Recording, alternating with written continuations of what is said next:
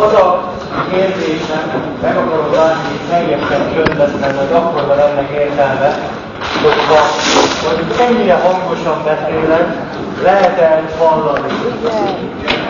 Hátul jobbon,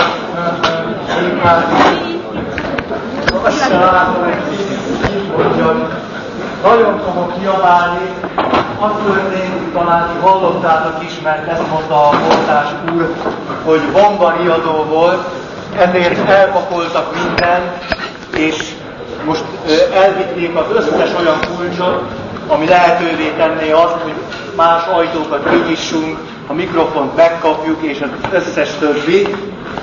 Ezen túl pedig, miután az egész nap csúszott nekik emiatt, arra kértek, hogy előbb fejezzem be.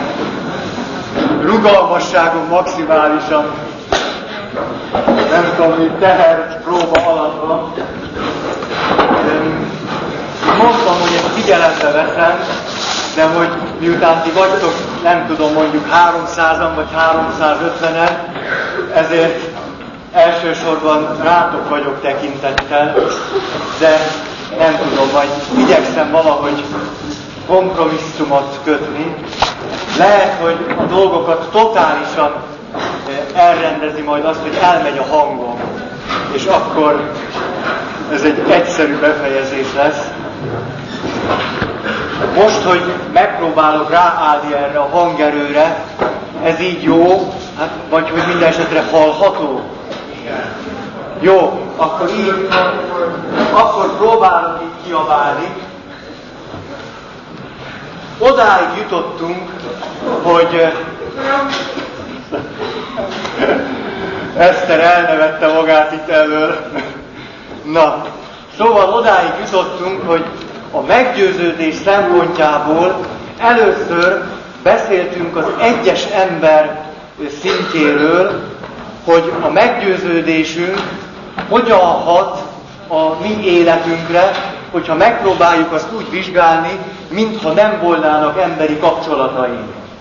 Azután léptünk egyet, és beszéltünk arról, hogy nagyon jelentős pár kapcsolatokban, mondjuk férfi-nő kapcsolatot illetően, vagy anya-gyerek, apa-gyerek kapcsolatot illetően, hogyan rendeződik az életünk a meggyőződés szempontjából, és a fő tárgyalási szempontunk az volt, hogy a meggyőződés tudattalanul hat, mert hiszen a meggyőződés abban a mintázatban előkelő helyet foglal el, ami, ami magatartás formánkat képzeljétek az élére esett. Az öt pontos nóbliba így, így esett. Ennél lehetett volna tíz, de hát azért ne legyünk telhetetlenek.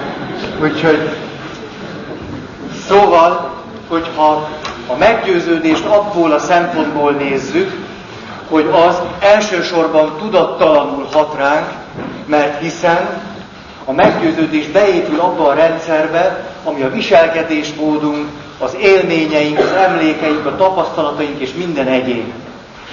Aztán eljutottunk oda, és erről rajzolgattam sokat, hogy hogyan nézhetjük ezt a helyzetet, hogyha már egy családi összefüggésben vizsgáljuk, egy nagyobb rendszerben. És most lépnénk a legnagyobbat, és megint csak ugyanezt néznénk, a meggyőződésnek, a hitnek a jellemzői, elsősorban a tudattalan működés szempontjából, de a legnagyobb egység most legyen egy intézményrendszer, de járjuk ugyanazt az utat, amin elindultunk, és nézzük meg azt, hogy az a mítosz, ami az orvosi ellátórendszerben kialakul egyes embereket illetően, akik természetesen páros viszonyokban vannak és családi összefüggésben vannak, és ezekről az emberekről azt mondják bizonyos százalékban, hogy gyógyíthatatlanok. Ha mondjuk másfajta érték ítéletet fűzünk hozzá, akkor azt mondjuk rájuk, hogy reménytelenek. Most arról szeretnék beszélni, hogy önmagában egy embernek, egy ember állapotát így minősíteni, hogy gyógyíthatatlan, vagy így meghatározni, hogy reménytelen, ez önmagában egy mítosz. Egy olyan hiedelem, amely már egy egész ö, nagy társadalmat, na, a társadalom ö, nagy intézmény rendszereit is jellemzi, jelen esetben nem csak persze az egészségügyet, hanem nyilvánvalóan ez azt jelenti, hogy az egészségügy egy egész gazdasági rendszerhez is kapcsolódik, sőt annak a része, tehát a gazdasági rendszerünknek is része ez a mítosz, hogy léteznek olyan betegségek, amelyek gyógyíthatatlanok és amelyek reménytelenek. Mert nyilván, ha valaki ezt ki tudja mondani egy betegségre, vagy egy embernek az állapotára, akkor ebbe már nem fogunk pénzt beleölni, hiszen gyógyíthatatlan és reménytelen.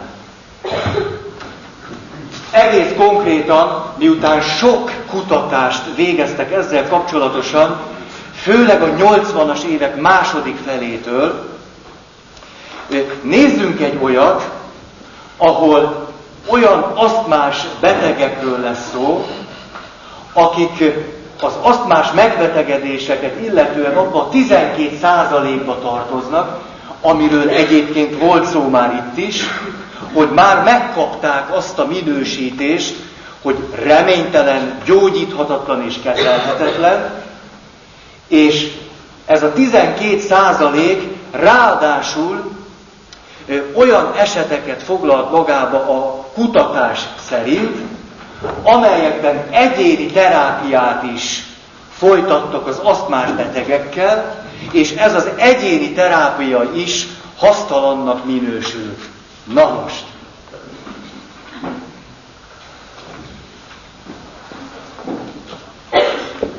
Az előzetes megjegyzésem az az, hogy a gyógyíthatatlan minősítést az emberre szoktuk alkalmazni.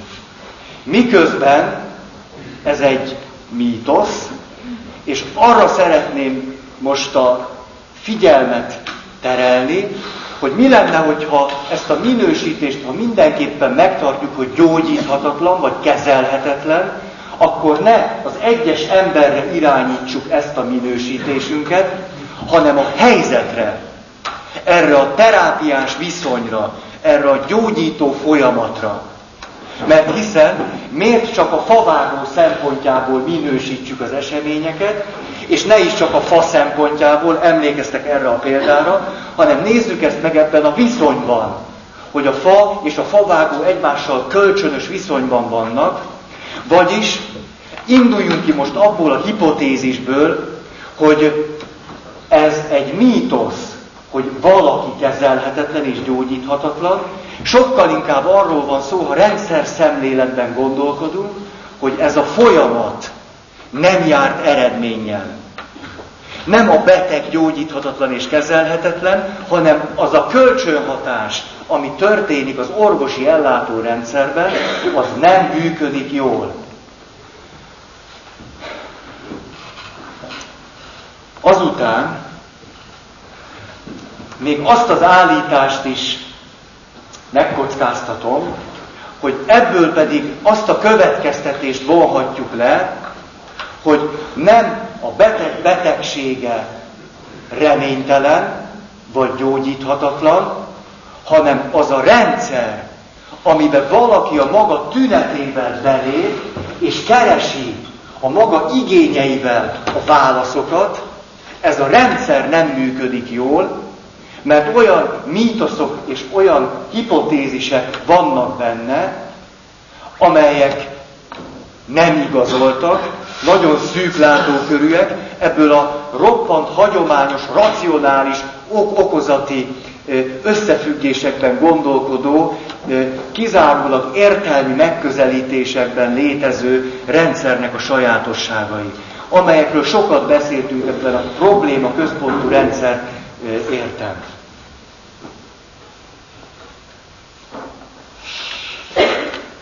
Na most, száz asztmás beteget vizsgáltak, ebből a 12 százalékból kigyűjtöttek százat.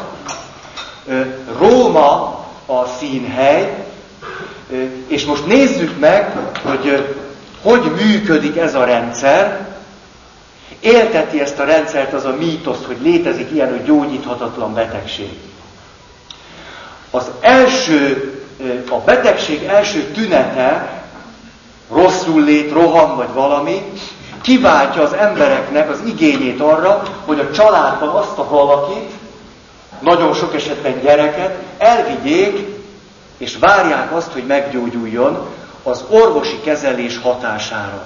Az eseteknek gyakorlatilag száz százalékában az első lépés az az, hogy valaki produkál egy ilyen tünetet, és a kézenfekvő megoldás, hogy fizikai problémaként értelmezzük ezt a betegséget, ismét egy hipotézis, hogy ez alapvetően fizikai probléma volna, ezt láttuk ezekben a családterápiás helyzetekben, hogy egészen mondjuk árnyaltabb kérdésről van szó, de minden esetre százból százszor ez a helyzet, hogy beteg a gyerek, már is bekerül ebbe a vonatkozásba, hogy jöjjön az orvos és gyógyítson. Százból százszor nyilvánvalóan gyerekorvos, családorvos az, aki találkozik a gyerekkel vagy a beteggel. A családorvos és a házi orvos a képzése folytán abban a szemlélettel fog közelíteni, ami megfelel egyébként az intézményrendszer szemléletének, hogy itt egy fizikai problémáról van szó, és erre valamilyen fizikai választ kell adni. Ezért elkezdődik a gyógyszeres kezelés, nyilvánvaló a kivizsgálás után. Ez a száz gyerek, akiket nagyon egyértelműen ebből a körből vontak ki, akiket reménytelennek minősítettek, ez a száz gyerek ennél a pontnál nem áll meg. Mert hiszen hiába próbál bármit a családorvos, vagy a házi orvos, vagy a gyerekgyógyász, nincs gyógyulás. Ezért a második lépés az az, hogy elküldjék a gyereket szakrendelésre. De mielőtt ez megtörténne, beszélgettek a gyerekkel és a családtagokkal, és a következő információkat szerezték be. A családtagoknak, illetve a családoknak 30%-ában a szülők és a gyerekek közül valakik összefüggést találtak már eleve a betegségnek a megjelenése vagy kiújulása és lelki, érzelmi tényezők között. Ez azt jelenti, hogy van egy megfogalmazott nézőpont, egy igény, amiben az eseteknek már 30%-ában túlnőtt a kérdés föltevése. A nehézségnek a definiálása azon, amire a rendszer egyáltalán képes válaszolni. Miután a rendszer, az ellátórendszer és az orvos is gyakorlatilag száz százalékban így reagál rá, hogy testi tünet és orvosi kezelés, ezért a 30%-kal együtt is az összes gyerek elkerül a szakrendelésre, ahol elkezdik őket sokkal alaposabban vizsgálni. Vizsgálják mindenfelől őket, és természetesen megint újabb, sokkal speciálisabb gyógyszereket fognak nekik fölírni. Kiderült az, hogy a száz esetből 97-ben a gyerekorvos, vagy a családorvos tanácsára és a vele való személyes kapcsolat révén kerültek el ezek a gyerekek a szakrendelésre. Itt már az orvosok, a szakorvosok megállapítható módon érzékenyebben figyelnek arra, hogy mi az, ami a fizikai tüneteken túl megfogalmazásra kerül a gyerekek, és adott esetben a szülők vagy a családtagok részéről. Csak hogy a rendszer még mindig képtelen érzékelni, illetve az érzékelésen túl reagálni arra, hogy most már határozottabban megfogalmazzák a családtagok azt, hogy ők igenis érzékelnek összefüggéseket, érzelmi dolgok, pszichés dolgok, körülmények és a betegség között. Kiderül, hogy az orvosok erre sokkal fogékonyabbak, de a gyógyítást és a reakciót illetően gyakorlatilag megint csak száz százalékban ugyanúgy reagálnak, mint ahogy az első lépcsőn megtörtént a reakció, vagyis a kivizsgálás után gyógyszereket írnak föl. Közben pedig kiderül az, hogy a betegeknek, vagy a családtagoknak 48%-a ezzel a fokozottabb, speciálisabb gyógyszeres kezeléssel kapcsolatosan szkeptikus. Vagyis itt már 50% nem is hisz abban, hogy ő az újabb és fokozottabb gyógyszeres kezelés évén meg fog gyógyulni. Csak hogy mi történik, azt, hogy miközben már a gyerekeknek vagy a családoknak 50%-a egyrészt azt mondja, hogy nem hiszünk ebben, másrészt majdnem 50%-a azt mondja, hogy itt máshol is szó van, mégiscsak lefolynak ezek a kezelések, még akkor is, hogyha az orvos sejti, hogy itt más dolgokat is figyelembe kéne venni. Vagyis arról van szó, hogy a beteg alkalmazkodik az orvoshoz. A beteg a tünetével, a maga igényével alkalmazkodik ahhoz a rendszerhez, amely nem az igények alapján kezel, kezeli a helyzetet, nem is a betegséget. Tehát egy teljesen fordított folyamat működik. A beteg, az igény és a probléma alkalmazkodik azokhoz, akik a problémára válaszolni tudnak valamilyen módon. 44%-a ezeknek a családoknak igen mond egy másfajta terápiás eljárásra. Azonban ennek a 44%-nak csak csekély része jut el adott esetben az egyéni terápián túl egy másfajta terápiára, mikor kiderült, ugye mert hogy itt pont száz olyan gyerekről volt szó, akiknél az egyéni terápia is befulladt. Vagyis úgy tűnik, hogy ki tudnak lépni egy másfajta megközelítésbe, ahol sokkal inkább az igényhez és a nehézséghez alkalmazkodik a válasz, de kiderül, hogy ez már a harmadik lépés, és szinte ez az utolsó állomás. És amikor az egyéni terápia, ami egy árnyaltabb megközelítésben foglalkozik ezzel a nehézséggel, csődöt mond, akkor aztán végérvényesen rásütik a bélyeget, de nem a helyzetre, nem az orvos-beteg kapcsolatára, nem az ellátórendszerre, nem a megközelítésre, a szemléletmódra, hanem a betegre. És a beteget minősítik úgy, hogy kezelhetetlen és gyógyíthatatlan.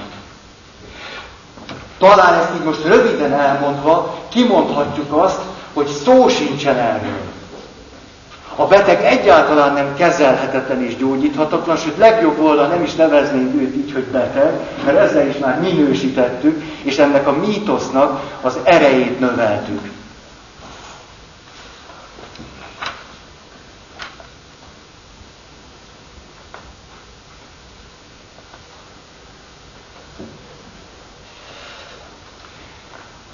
Azt a nagyon frappáns következtetést fogalmazták meg azok, akik kutatták ezt a kérdést, hogy nem krónikussá válik egy-egy betegség, hanem krónikussá tesszük. És ebbe beletartozhat mindenki, aki valamiképpen kapcsolatba kerül azzal a valakivel, aki hordozza a tünetet a szülőktől kezdve, az orvoson keresztül, a speciális orvos és az egész ellátórendszer beleértve. Most szeretnék két másfajta példát mondani, hogyha ilyen makrotársadalmi tényezők felől közelítjük meg ezeknek a mítoszoknak a hatását, amelyek tudattalanul hatnak, mert nem gondolnám azt, hogy azoknak a, az gyerekeknek, vagy a családjaiknak a bármilyen százaléka is, amikor belekezd ebbe a rendszerbe, akkor tudná, hogy itt miről is van szó. Tehát, hogy nézzük meg, hogy az egyházban milyen nagyon hasonló mechanizmusok képesek működni, amikor az egyes ember hozza a maga helyzetét, és mi pontosan ugyanígy működünk, mint ahogy az orvosi ellátórendszer jelenleg működik. Az első, mind a kettő néhány hónapos történés a Rákos keresztúri egyházközségben. Az első, keresztelést jönnek kérni a szülők. Szeretnék, hogyha a gyereküket az egyházba megkeresztelnék, ezt nagyon hangsúlyozom, mert hiszen a keresség az egyháznak a szentsége. Egyházon belül van keresség, egyházon kívül nincs. Az egyháznak élet megnyilvánulása. Tehát jönnek, és ettől a nagy-nagy rendszertől kérnek valamit, csak hogy van egy nehézségük. Nem az a nehézségük, hogy a gyerek még nincs megkeresztelve. A nehézségük az az, hogy nincsenek összeházasodva. Ez nem föltétlen az ő nehézségük. Ez a rendszer nehézsége. Kit minősítünk ezzel? A pap lehet, hogy a házasokat, vagy a nem házasokat minősít, és azt mondja, hogy van itt egy probléma, maguk nincsenek megházasodva. Vagyis a pap azt mondja, hogy itt egy két problémás szeméről van szó, és velük kapcsolatosan egy problémás gyerekről.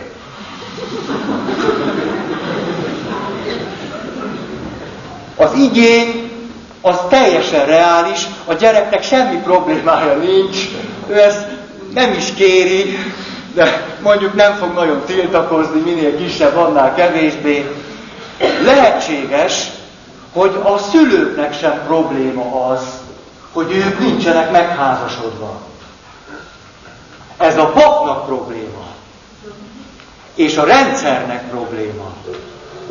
De a minősítés nem így fog elhangozni, hanem úgy, hogy a személyt fogjuk minősíteni. Ebben az esetben az történt, hogy a pap megkérdezte, hogy van-e annak valamilyen akadálya, hogy a szülők megházasodjanak, mert ha megházasodnának, akkor meg lehetne keresztelni a gyereket. Érezzük, hogy már itt is valami, valami eltolódásról van szó, miközben én papként azt tudom mondani, hogy ez a rendszer tökéletesen logikus. Teljesen érthető.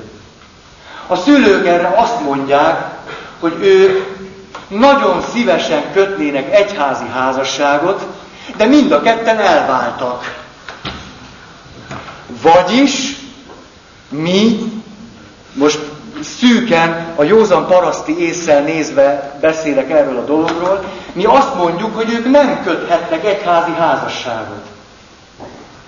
Ők azt mondják, ők szívesen kötnének. Ez nekik megint csak nem probléma. De mi azt mondjuk, hogy de nekünk az. Ti nem köthettek. És itt a kígyó bele harapott a saját farkába. Mert végül is az van, hogy mi azt mondjuk, hogy akkor kereszteljük meg a gyereket, ha van szentségi házasság. De csak azok köthetnek szentségi házasságot, akiket a jog el nem tilt ettől. Csak hogy őket eltiltja a jog, ezért nem kötetnek házasságot, ezért nem kereszteljük meg a gyereküket. Ez a rendszer a maga logikája szerint teljesen jól működik. Csak elmélyít valamit. Mégpedig azt, hogy mi volt az a belső indítatás, amivel jöttek ezek a szülők. Az, hogy átmentek egy csomó olyan élethelyzeten, ami őket bizonyos szempontból az egyház egyértelmű kereteiből valamelyest kilódította. Ezzel együtt Miközben ők valamiképpen átélik, vagy átélhetik az egyházban ezt a kirekesztettségüket, ez nem föltétlen szükséges. Nem kellene nekünk ezt, ezt így minősíteni, vagy így erősíteni természetesen. De a rendszerben ők ezt átélhetik, mint ahogy a beteg gyerek is átélheti, hogy ő vele van a baj. Vagy a szülők átélhetik, hogy mi rontottuk el. Tehát azzal a belső ö, nyitottsággal jönnek, de azzal a fájdalommal is, hogy ők eleve kirekesztetnek élik meg magukat, de szeretnék, ha egy, a gyerekük nem örökölni ezt a kirekesztettséget. Kettő, hogy ők ezzel nem csak azt fejezik ki, hogy a gyerekünknek megadunk valamit, mert nekünk már úgyis mindegy, hanem azt is, hogy ők hűségesek a maguk módján, a maguk lehetőségei szerint az egyházhoz. És a rendszer végén pedig az történik, hogy el fogjuk mélyíteni már nem csak a szülőknek, hanem a szülőkön keresztül a gyerekeknek is ezt a kirekesztettség tudatát. Az ehhez kapcsolódó érzelmeket, gondolatokat, meggyőződéseket, hitet és az összes többit megkapjuk következményképpen. Most nagyon szeretném hangsúlyozni azt, hogy ugyanazzal a logikával, a józan paraszti észsel írtam le egyházunknak a működés módját. Természetesen ez egy egyoldalú megközelítés volt. Lehetne ezt másféleképpen is, a teológia szempontjából, a szentségtan szempontjából, és sok minden felől megközelíteni. De fontosnak tartottam, hogy nézzünk ilyen párhuzamokat. A második történet megint egészen friss, még meleg. Hogy megint csak jönnek a szülők, és szeretnék, ha megkeresztelnénk a gyereket. Mire a pap azt mondja, ez nem nálunk volt, hanem a szomszédban. Tényleg. Mire az atya azt mondja, hogy végigfutva ezt a dolgot, semmi akadálya nincs, ha kötnek szentségi házasságot. Erre azt mondják, mi a föltétele ennek? Hát az, hogy legalább legyen egy megkeresztelt fél, és a megkeresztelt félnek ne legyen szentségi házasságkötése. A nem megkeresztelt félnek pedig ne legyen polgári esküvője. Mire azt mondják egy másik, nem megkeresztelt féllel. Mire azt mondják, hát ez nagyszerű, akkor mi minden kritériumnak megfelelünk. El is jönnek egy hét múlva, hogy legyen az első megbeszélés az ő szentségi házasság kötésüket illetően azért, hogy a gyereket meg lehessen keresztelni. Kérdezi az atya, hogy na és hogy mint vannak otthon? Mondjuk valami ilyesmit. Mire azt mondják, hogy Ja, hát mi már nem is élünk együtt.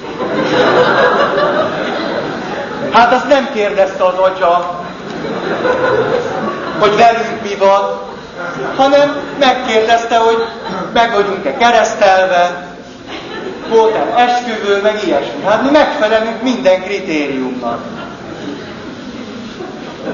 Pap nem kap levegőt, mert ő ugye ezt másfelől nézi mielőtt még a teljes fölháborodásának hangot adna, vagy képes volna annak hangot adni, a szülők biztosítják őt arról, hogy ők mindent meg fognak tenni ennek a szentségi házasságnak a létrejöttéért. Tehát az atya bármit kérők, azt megteszi. És ez így is van, vagy így is lenne. Csak hogy a pap szóhoz jut, és, és minősíti őket, hogy hát, és most ez teljesen mindegy, hogy hogy, a fantáziátokra bízom. és lehetséges, hogy ez a pár úgy megy el a egyházunkkal találkozva, hogy hát ők ezt nem értik. Tehát, hogy ők teljesen normálisan álltak ez az egész dologhoz, nekik egyetlen kérésük volt, hogy kereszteljük meg a gyereket. Belementek ők mindenbe egymás után. És a végén az jött ki, hogy hülyébbek, mint ahogy idejöttek. Keresztelésről meg szó sincs. Ezeket a történeteket még napestén mesélhetnénk. Ezek állandó kihívást intéznek az egész nagy rendszer működés módjával, szemléletmódjával kapcsolatosan. És állandóan piszkálnak bennünket, hogy a mi belső mítoszainkat és meggyőződéseinket fölülvizsgáljuk. És ne az legyen, vagy ne csak az legyen, mert lehet, hogy azt mondjuk, hogy jelenleg ezt a helyzetet formális szinten csak is így tudjuk megoldani. Ez lehetséges.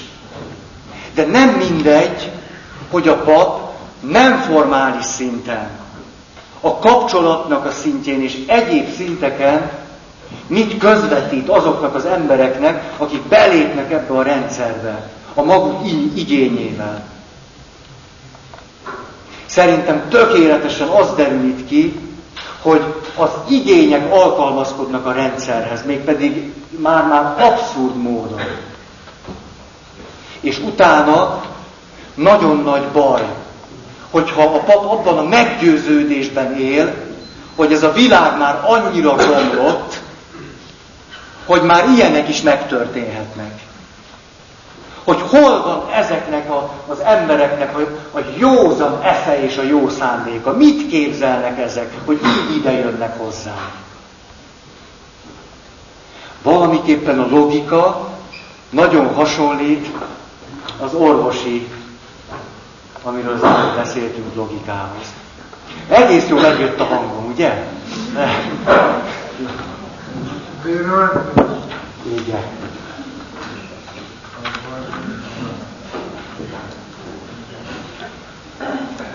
Most.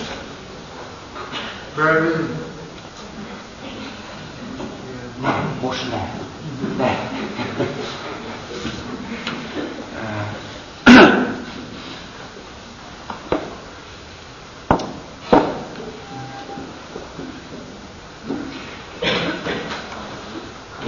Belekezdek ebbe, mert éppen ennek kapcsán tudnánk ezt az egész lépcsősort most már végigjárva a végső következtetéseket megtenni.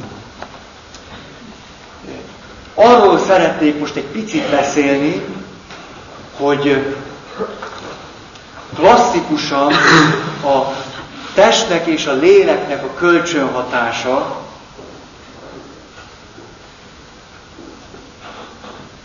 milyen jellemzőkkel bír. És most kísérleteket mondok, ezzel összefoglalom ezekkel a példákkal mindazt, amit most szinte már hónapokon keresztül mondtunk. És akkor abból le lehet vonni a végső következtetéseket. Elkülönítettek állatokat, rákcsálókat, fizikailag tökéletes bánátban részesültek. Csak hogy vagy hosszú ideig, vagy rendszeresen egyedül kellett lennünk. Ez ugyanolyan stressz hormon szint emelkedést hozott magával, mint azok az állapotok, amikor fizikailag bántalmazták az állatokat. Vagyis az állatnak tökéletesen mindegy volt a fizikai rendszerét illetően, hogy nem kapott enni, hogy áramütést kapott, vagy hogy egyszerűen csak egyedül hagyták. Az agy és a hormonok szempontjából egyszerűen nincs különbség a között, hogy fizikai vagy lelki behatás történik, az állapotunk az ugyanaz lehet. Aztán ugyanezeknél a patkányoknál, hogyha ezt hosszú ideig csinálták, akkor az agyban az idegsejtek elkezdtek pusztulni. Ebből pedig az következett, hogy idegesek voltak, nagyon rosszul tűrték a stresszt, étvágytalanok és ügyetlenek voltak. Vagyis ez már a viselkedésükre és a válaszreakcióikra is, a későbbi válaszreakcióikra is rányomta a bélyegét. Kismajmokkal tették azt meg, hogy semmi mást nem változtattak a rendszeren, csak annyit, hogy a kismajmokat elvonták az édesanyjuktól. De kismajom társaságban voltak, hallhatták is az anyjuk hangját, mindent megadtak nekik, csak ennyi volt a különbség. Fél éven keresztül voltak ezek a kismajmok az anyjuk nélkül. Fizikai bántalom egyáltalán nem érte őket, mindent megkaptak. 18 utána, 6 hónap után megint együtt nevelkedett az összes kismajom az anyjukkal. 18 hónapos korban újabb két napra elkülönítették a kismajmokat. Mindegyiket. A következő reakciók történtek. Ezeknél az úgynevezett bölcsis kismajmoknál, akiket beadtak, azonnal megemelkedett a kérekhormon és a noradrenalin szint.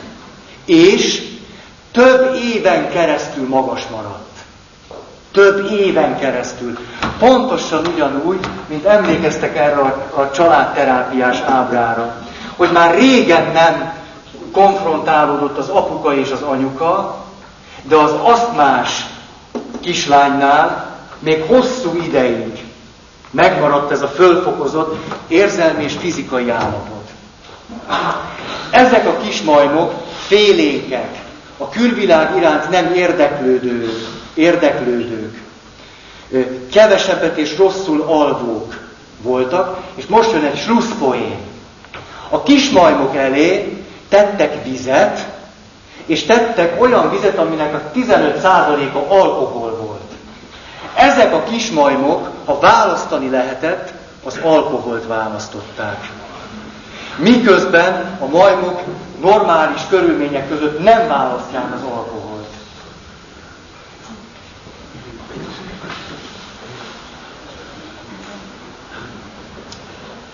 Itt egy újabb lépés, hogy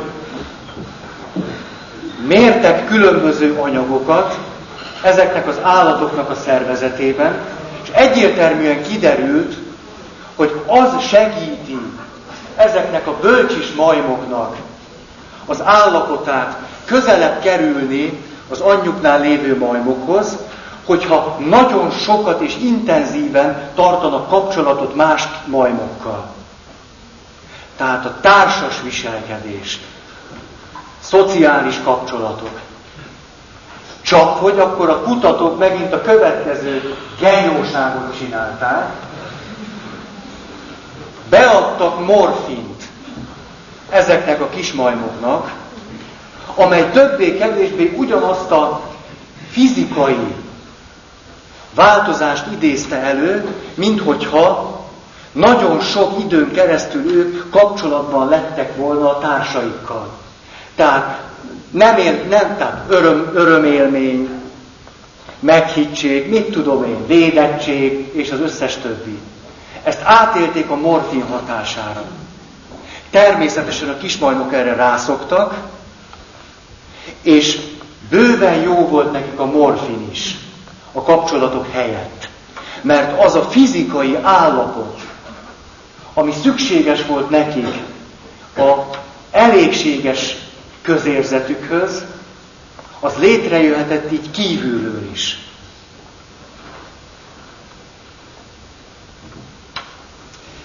Kutatók tehát azt a következtetést vonták le, amiről eddig nagyon sokat beszéltünk, hogy agy, hormonok, viselkedés egyazon láncnak a tagjai.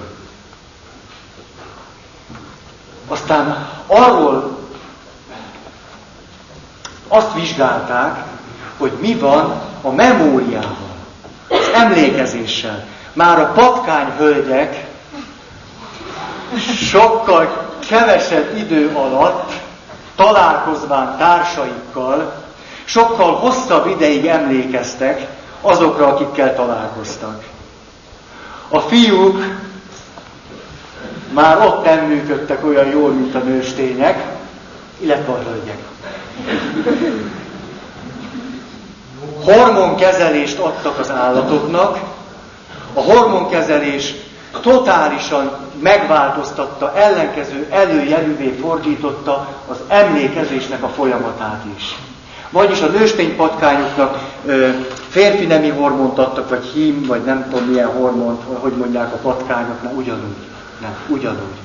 És elkezdtek ugyanolyan rosszul emlékezni, mint a hímpatkányok. És fordítva, azok a hímpatkányok, akiket kiheréltek, azok elkezdtek úgy emlékezni, mint a nőstények.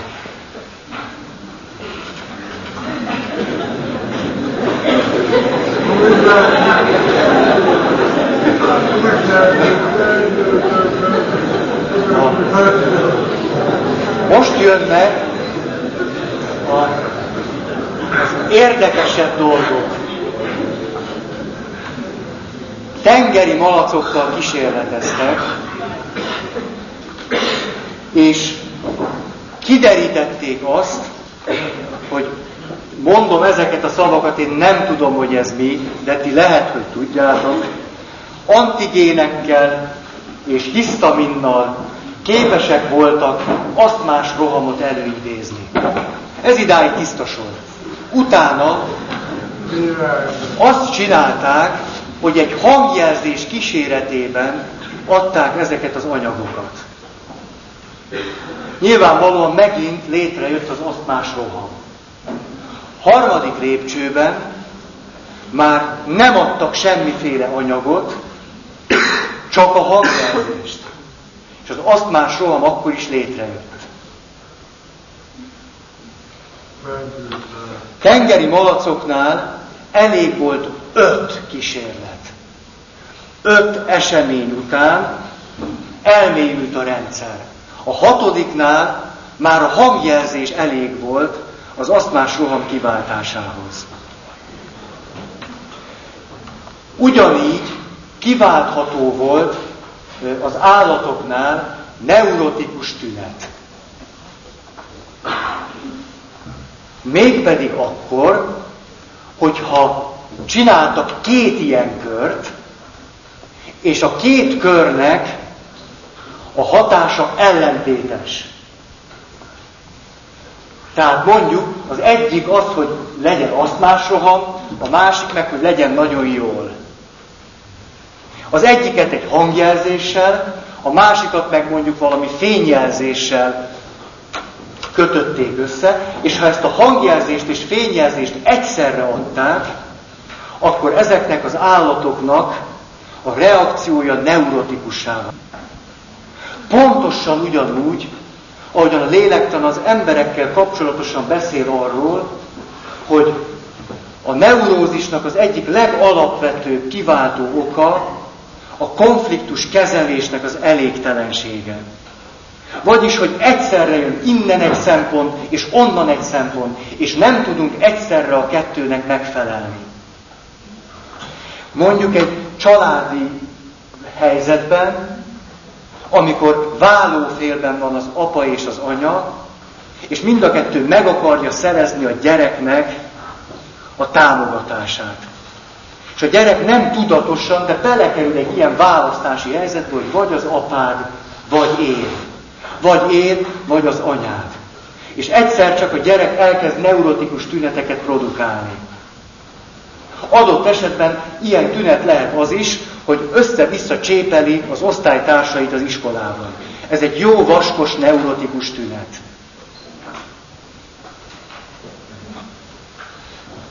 Miközben a szülők lehet, hogy eljönnek a paphoz, és azt mondják, hogy atya, mi megpróbálunk nagyon-nagyon szépen és kultúráltan elválni.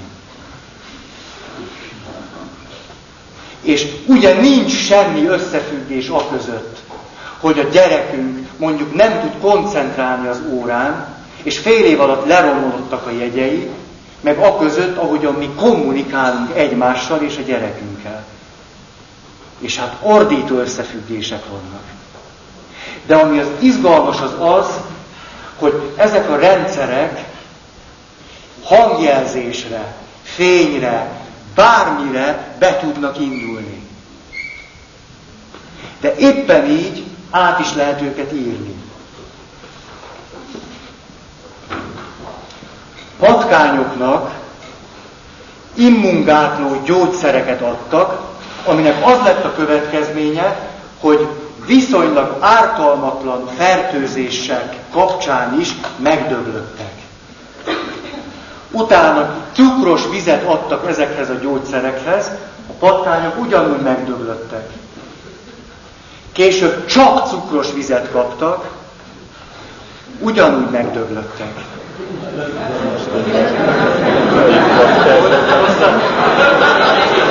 Na, szóval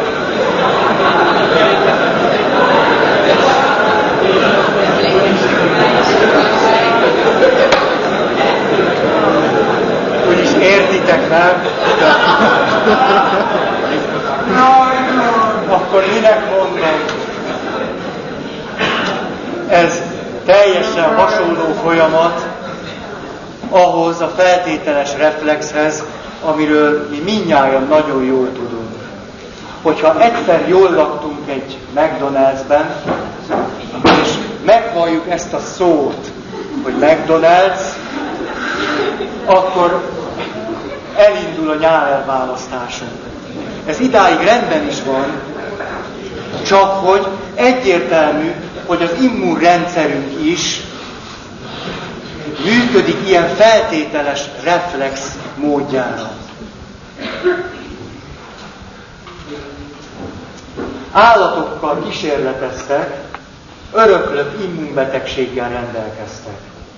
Pár hónapos korban ezek az állatok meghaltak mindenképpen. Adtak nekik olyan gyógyszert, ami meghosszabbította az életüket, nyilván ezáltal ez meg is történt. Utána gyógyszer mellé adtak cukros vizet. Ugyanúgy tovább értek, végül nem adtak gyógyszert, csak cukros vizet, az állatok ugyanúgy tovább értek. Vagyis nyilvánvaló, hogy a cukros víz beindította az egész rendszert.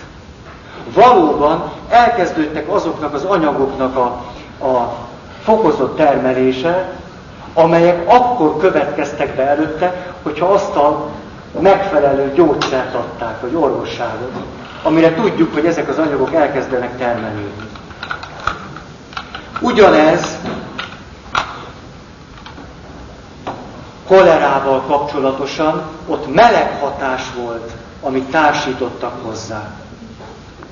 Ellenállók lettek ezek az állatok a kolerával szemben, bár nem kaptak védőoltást. A meleg elég volt. Daganatokkal kapcsolatosan is ugyanez lett az eredmény.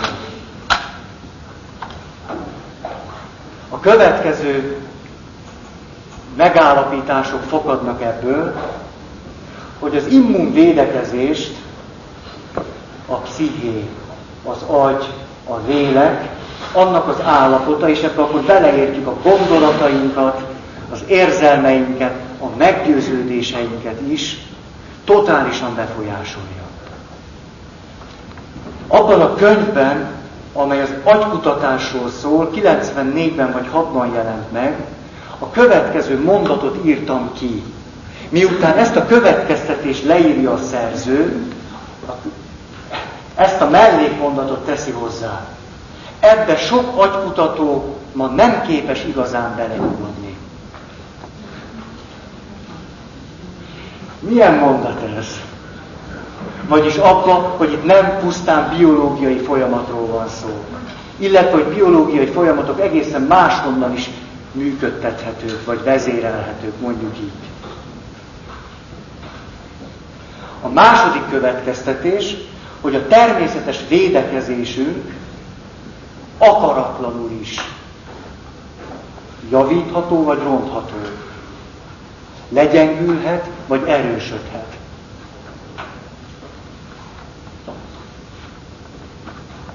És a harmadik, hogy orvosságok helyett bármilyen semleges anyag is megfelelő.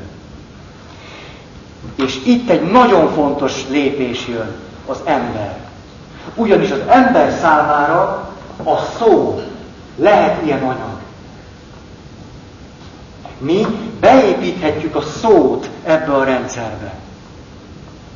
És mondhatjuk azt, és ezt mondjuk is, és erről sokat beszéltem, hogy egy egész rendszert beindíthatunk azzal a szóval, hogy szeretlek. És másfelé forgatva beindíthatjuk azzal, hogy gyűlöllek. Mindegy, hogy fény, hogy hang, vagy egy szó. Számunkra mindegy. Az is mindegy, hogy most láttok engem, vagy emlékkép, vagy álom, teljesen mindegy. Tehát ide bármi jó. És akkor gondolhatunk Jézusra, aki meggyógyítja a vakot úgy, hogy nyálat fog, és bekeni vele a szemet. Itt is van valami, ami közvetít. És akkor itt megint teszek nagy kérdőjeleket, hogy, hogy mi, mi közvetítődik, vagy mi is történik. Kézrátétel. Természetgyógyászokkal szoktam beszélgetni. És azt mondják, hogy a betegek rengeteget, vagy hát azok, akik járnak hozzájuk, azt mondják, hogy milyen meleg a maga keze. Miről azt mondja, az én kezem nem meleg. Fogja meg. Nem meleg. Az érzet az meleg, amit az illető átél. És ide kapcsolhatjuk akkor Jézusnak a szavát, hogy legyen neked a te hited szerint. Hogy ez az egész folyamat pontosan úgy fog lejátszódni, ahogy a te hitedben ez megjelent. A fantáziádban, stb. stb. Pontosan úgy fog végigmenni ez a rendszer.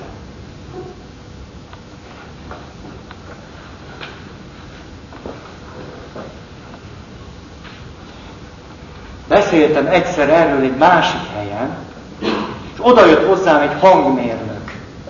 És azt mondta, hogy őket megtanították az iskolában arra, hogy amikor az együttes behangol, és beállnak, akkor minden zenésznek van egy ilyen happy hogy, hogy hall, hallani akar, és majd ő, hogy most az hangos, vagy nem hangos, vagy hogy van. És ezért őket arra tanítják, hogy a keverőpulton mutassanak meg egy, egy ilyen potméter, vagy micsoda az, mutassanak rá, hogy te ezzel tudod szabályozni. Ez egyáltalán nincs bekötve.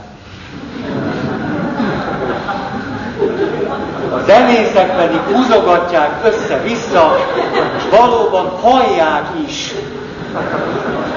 Hallják, majd megnyugszanak, majd jól játszanak. Itt a beépített dolog az, hogy ő húzogat.